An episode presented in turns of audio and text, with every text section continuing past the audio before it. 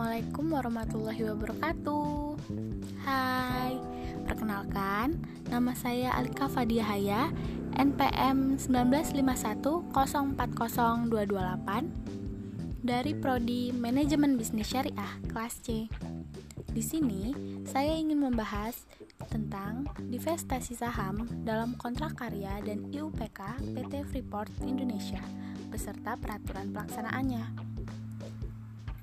Yang pertama, pengertian divestasi saham. Istilah divestasi saham berasal dari dua suku kata, yaitu divestasi dan saham. Sementara itu, dalam peraturan perundang-undangan di Indonesia, belum ada istilah baku yang berkaitan dengan divestasi saham. Istilah-istilah yang digunakan dalam peraturan perundang-undangan itu meliputi yang pertama, partisipasi bagi modal nasional, yang kedua, pengalihan saham atau menjual saham, yang ketiga, divestasi, dan yang keempat, divestasi saham. Istilah divestasi berasal dari terjemahan bahasa Inggris yaitu divestment. Namun, ada juga ahli yang menggunakan istilah Indonesianisasi. Indonesianisasi adalah tidak saja hanya berarti pengalihan keuntungan, tetapi lebih penting lagi adalah pengalihan kontrol terhadap jalannya perusahaan. Apabila dikaji definisi ini, ada dua hal yang dihajatkan dari konsep Indonesianisasi, yaitu yang pertama, mendapatkan keuntungan, dan yang kedua, pengalihan kontrol terhadap jalannya perusahaan. Keuntungan yang diperoleh dari Indonesianisasi ini adalah memperoleh dividen dari perusahaan asing. Sementara itu, apabila saham yang dimiliki mitra lokal merupakan saham mayoritas, mitra lokal dapat mengendalikan jalannya perusahaan tersebut sehingga jajaran direksi dapat ditempatkan oleh orang-orang lokal. Pengertian divestasi saham dijumpai dalam pasal 1 angka 8 Peraturan Pemerintah Nomor 23 Tahun 2010 tentang pelaksanaan kegiatan usaha pertambangan mineral dan batu bara. Divestasi saham adalah jumlah saham asing yang harus ditawar untuk dijual kepada peserta Indonesia. Divestasi saham adalah pelepasan pembebasan dan pengurangan modal. Disebut juga divestment, yaitu kebijakan terhadap perusahaan yang yang seluruh sahamnya dimiliki oleh investor asing untuk secara bertahap, tapi pasti mengalihkan saham-sahamnya itu kepada mitra bisnis lokal atau proses yang mengakibatkan pengalihan saham dari peserta asing kepada peserta nasional. Kedua, Kontrak karya Kontrak karya merupakan kontrak yang dikenal di dalam pertambangan umum. Istilah kontrak karya merupakan terjemahan dari bahasa Inggris yaitu contract of work. Dalam pasal 10 Undang-Undang Nomor 11 Tahun 1967 tentang ketentuan-ketentuan pokok pertambangan umum, istilah ini lazim digunakan adalah perjanjian karya. Tetapi, dalam penjelasannya, istilah yang digunakan dalam kontrak karya dalam hukum Australia yang digunakan adalah Identur Franchise Agreement State Agreement or Government Agreement. Dalam pasal 1, Keputusan Menteri Pertambangan dan Energi nomor 1909 titik K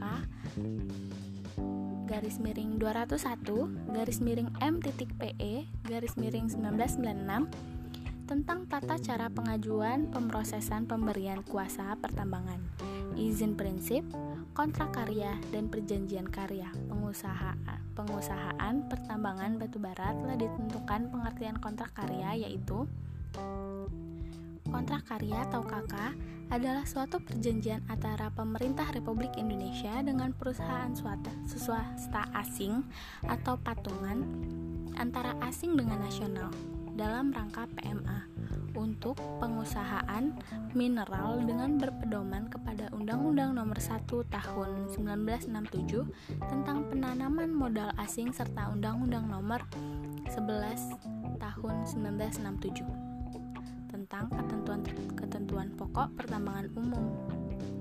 Dalam definisi ini, kontrak karya dikonstruksikan sebagai sebuah perjanjian. Subjek perjanjian itu adalah pemerintah Indonesia dengan perusahaan swasta asing atau joint venture antara perusahaan asing dan perusahaan nasional. Objeknya adalah pengusahaan mineral. Ismail Sunni mengartikan kontrak karya sebagai kerja sama modal asing dalam bentuk kontrak karya atau contract of work. Terjadi apabila penanaman modal asing membentuk satu badan hukum Indonesia dan badan hukum ini mengadakan kerjasama dengan satu badan hukum yang menggunakan modal nasional. Definisi ini ada kesamaan dengan definisi yang dikemukakan oleh Sri Wulan Aziz ia mengartikan kontrak karya adalah suatu kerjasama di mana pihak asing membentuk suatu badan hukum Indonesia bekerja sama dengan badan hukum Indonesia yang menggunakan modal nasional. Kedua pandangan di atas melihat bahwa badan hukum asing yang bergerak dalam bidang kontrak karya harus melakukan kerjasama dengan badan hukum Indonesia yang menggunakan modal nasional. Namun, di dalam peraturan perundang-undangan tidak mengharuskan kerjasama dengan badan dengan Badan Hukum Indonesia dalam pelaksanaan kontrak karya. Pertanyaannya, sekarang bagaimana dengan kontrak karya yang seluruh modalnya dari pihak asing? Seperti halnya PT Freeport Indonesia. Sumber pembiayaan perusahaan ini 100% tidak pihak asing dan perusahaan ini tidak bekerja sama dengan modal domestik. Dengan demikian, definisi kontrak karya di atas perlu dilengkapi dan disempurnakan, yaitu dengan kontrak karya adalah suatu perjanjian yang dibuat antara pemerintah Indonesia dengan kontraktor asing semata-mata dan atau merupakan patungan antara badan hukum domestik untuk melakukan kegiatan eksplorasi maupun eksploitasi dalam bidang pertambangan umum sesuai dengan jangka waktu yang disepakati oleh kedua belah pihak. Definisi ini merupakan definisi yang lengkap karena di dalam kontrak karya tidak hanya mengatur hubungan hukum antara para pihak, namun juga mengatur tentang objek kontrak karya.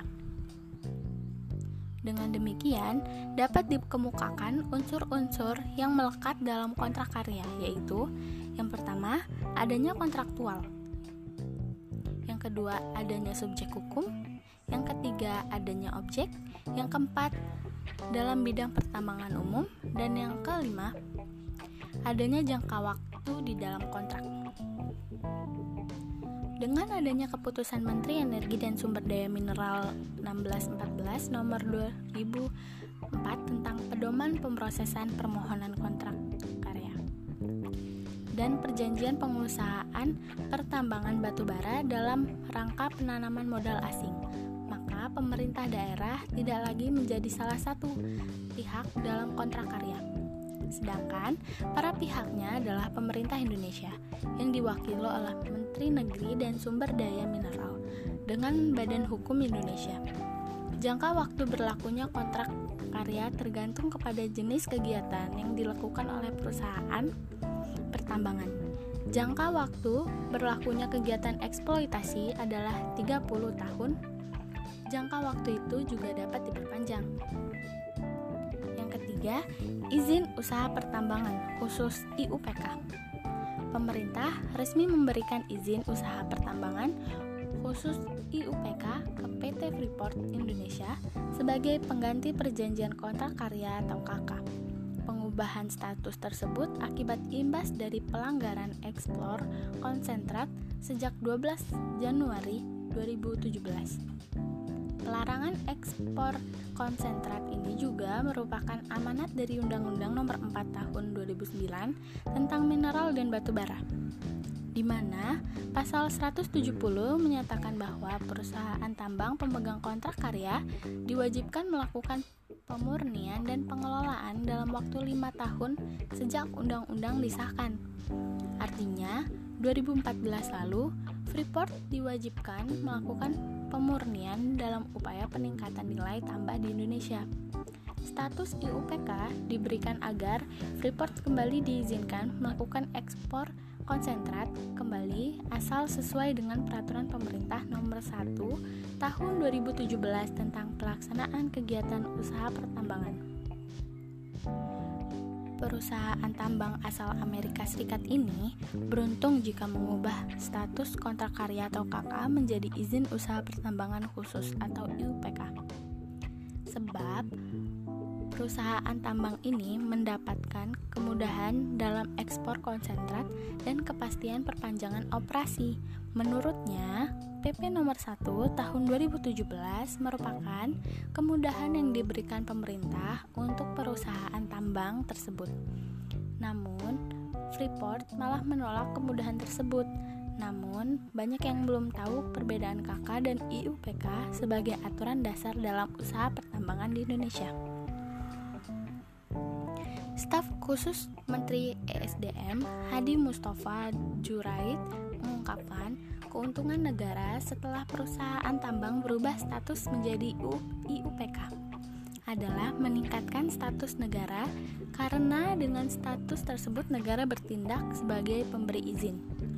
Sedangkan jika kakak kedudukan negara dengan perusahaan sama, dalam KK, kedudukan negara dan perusahaan setara sebagai dua pihak yang berkontrak.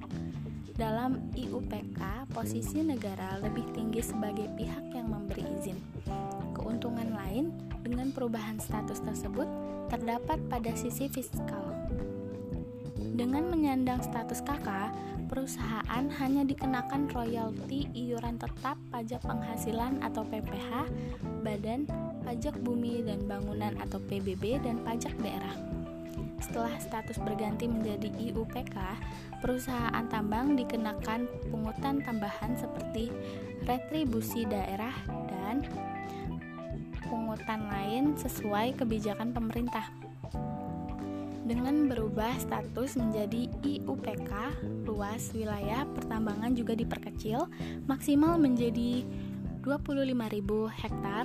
Hal ini akan meningkatkan wilayah pencadangan negara di sisi lain perubahan status IPK meningkatkan peran nasional pada perusahaan tambang khususnya penanaman modal asing atau PMA karena ada kewajiban pelepasan sahamnya sebesar 51% ke pihak nasional.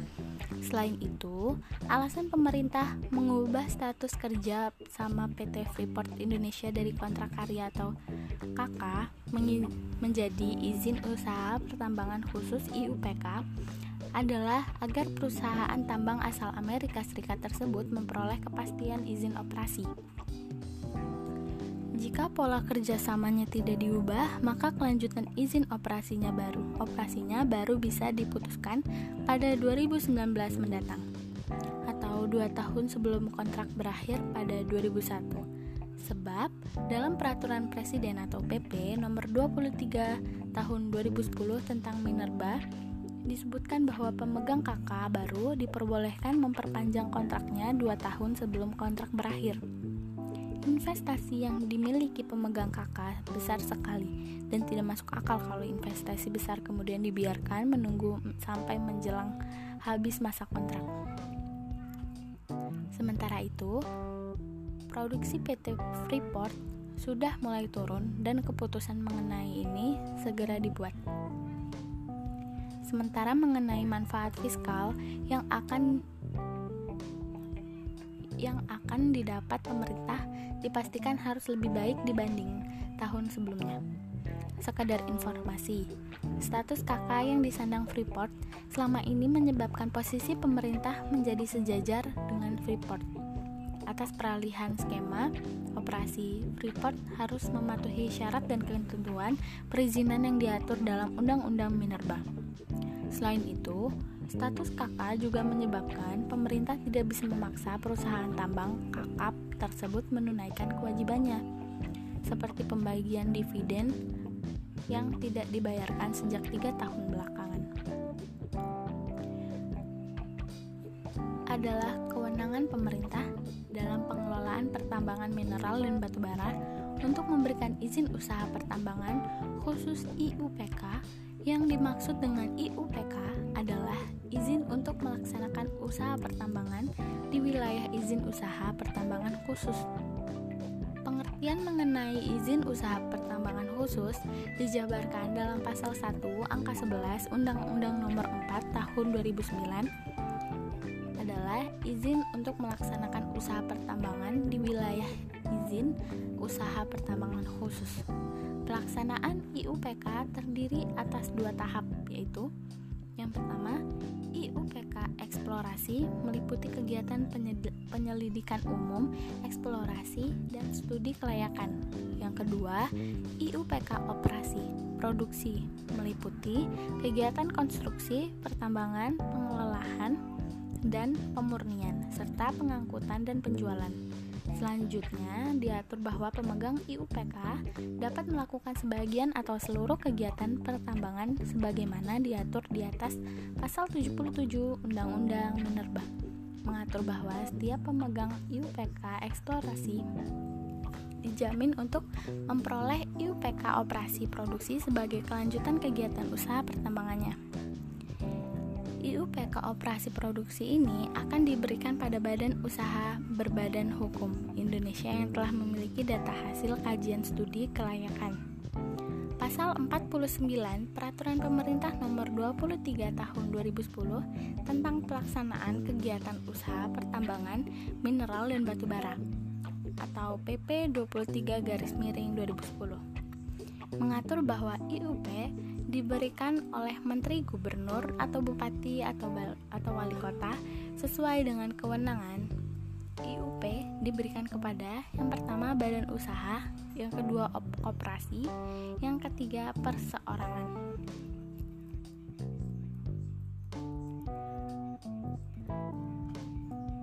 Yang B, divestasi saham kontrak karya KKPT Freeport Indonesia. Dalam memulai pengelolaan dan investasi di bidang pertambangan harus diawali dengan adanya kontrak karya antara pemerintah Indonesia dengan pihak investor yang memuat klausula-klausula yang mengikat para pihak-pihak. Kontrak karya merupakan perjanjian in yaitu perjanjian yang pengaturannya tidak tidak diatur dalam KUH Perdata. Akan tetapi merupakan perjanjian khusus yang yang ketentuannya merujuk kepada pasal 1338 KUH Perdata. Dengan asas kebebasan berkontrak. Kewajiban divestasi PT Freeport Indonesia baru diatur di dalam pasal 24 kontrak karya perpanjangan 1991. Di dalam pasal tersebut disebutkan kewajiban divestasi PT Freeport Indonesia terdiri dari dua tahap. Tahap pertama adalah melepas saham ke pihak nasional sebesar 9,36% dalam 10 tahun pertama sejak 1991. Kemudian, kewajiban divestasi tahap kedua mulai 2001 perusahaan harus melego sahamnya sebesar 2% per tahun sampai kepemilikan nasional menjadi 51%. Perpanjangan kontrak karya PT Freeport Indonesia pada tahun 1991 dianggap merugikan Indonesia karena memberikan keringanan pengalihan saham. Berikut adalah isi pasal yang terkait dengan investasi saham kontrak karya PT Freeport Indonesia sebagaimana diatur dalam pasal 24 dengan judul pasal perihal promosi kepentingan nasional yang termaksud yang termaksud di dalam ayat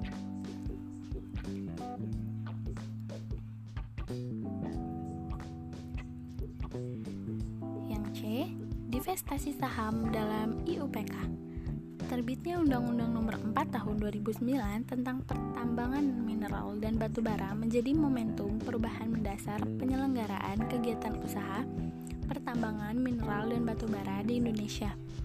Perubahan rezim kontrak karya atau KK ke izin usaha didasari beberapa pertimbangan di antaranya berdasarkan pertambangan filosofis dan sosiologis menganggap rezim Izin merupakan rezim pengusahaan sumber daya alam, khususnya pertambangan mineral dan batu bara, yang penting sesuai dengan Pancasila dan Undang-Undang Dasar Negara Republik Indonesia 1945. Ada beberapa alasan untuk perubahan tersebut, antara lain: yang pertama, adanya ketidakseimbangan pembagian hasil atau revenue revenue sharing berdasarkan kontrak kerja pemerintah Indonesia dengan PT Freeport Indonesia disepakati royalti yang dibayarkan oleh PT Freeport Indonesia ke pemerintah sebesar 1% selanjutnya berdasarkan peraturan pemerintah nomor tahun nomor 9 tahun 2012 tentang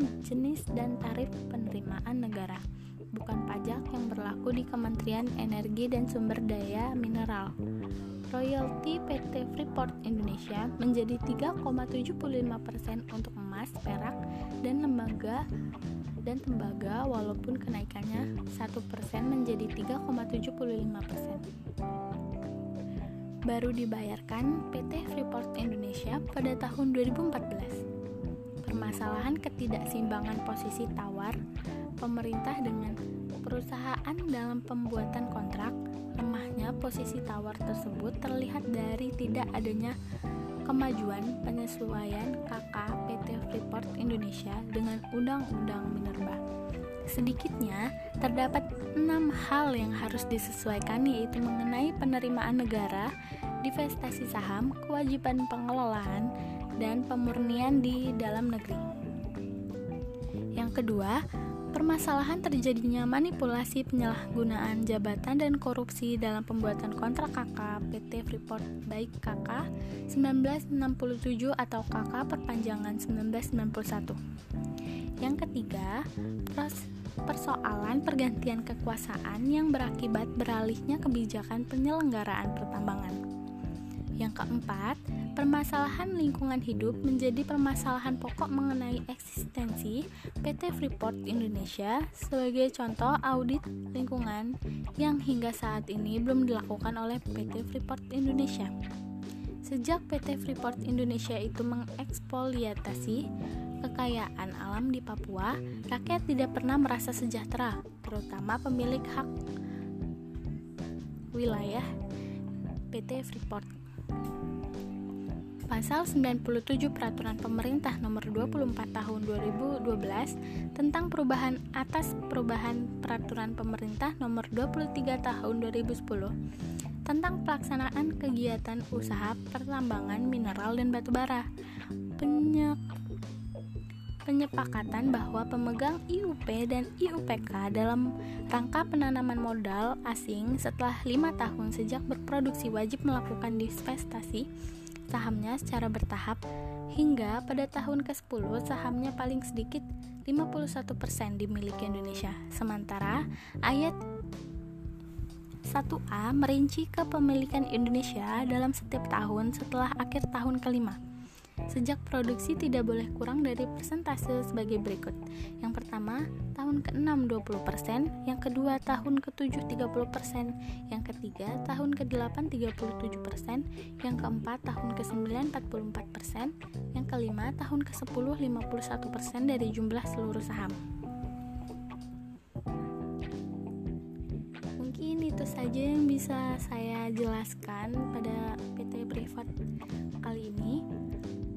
jika ada kesalahan kata saya minta maaf kepada Allah saya mohon ampun. Terima kasih. Wabillahi taufik wal hidayah. Wassalamualaikum warahmatullahi wabarakatuh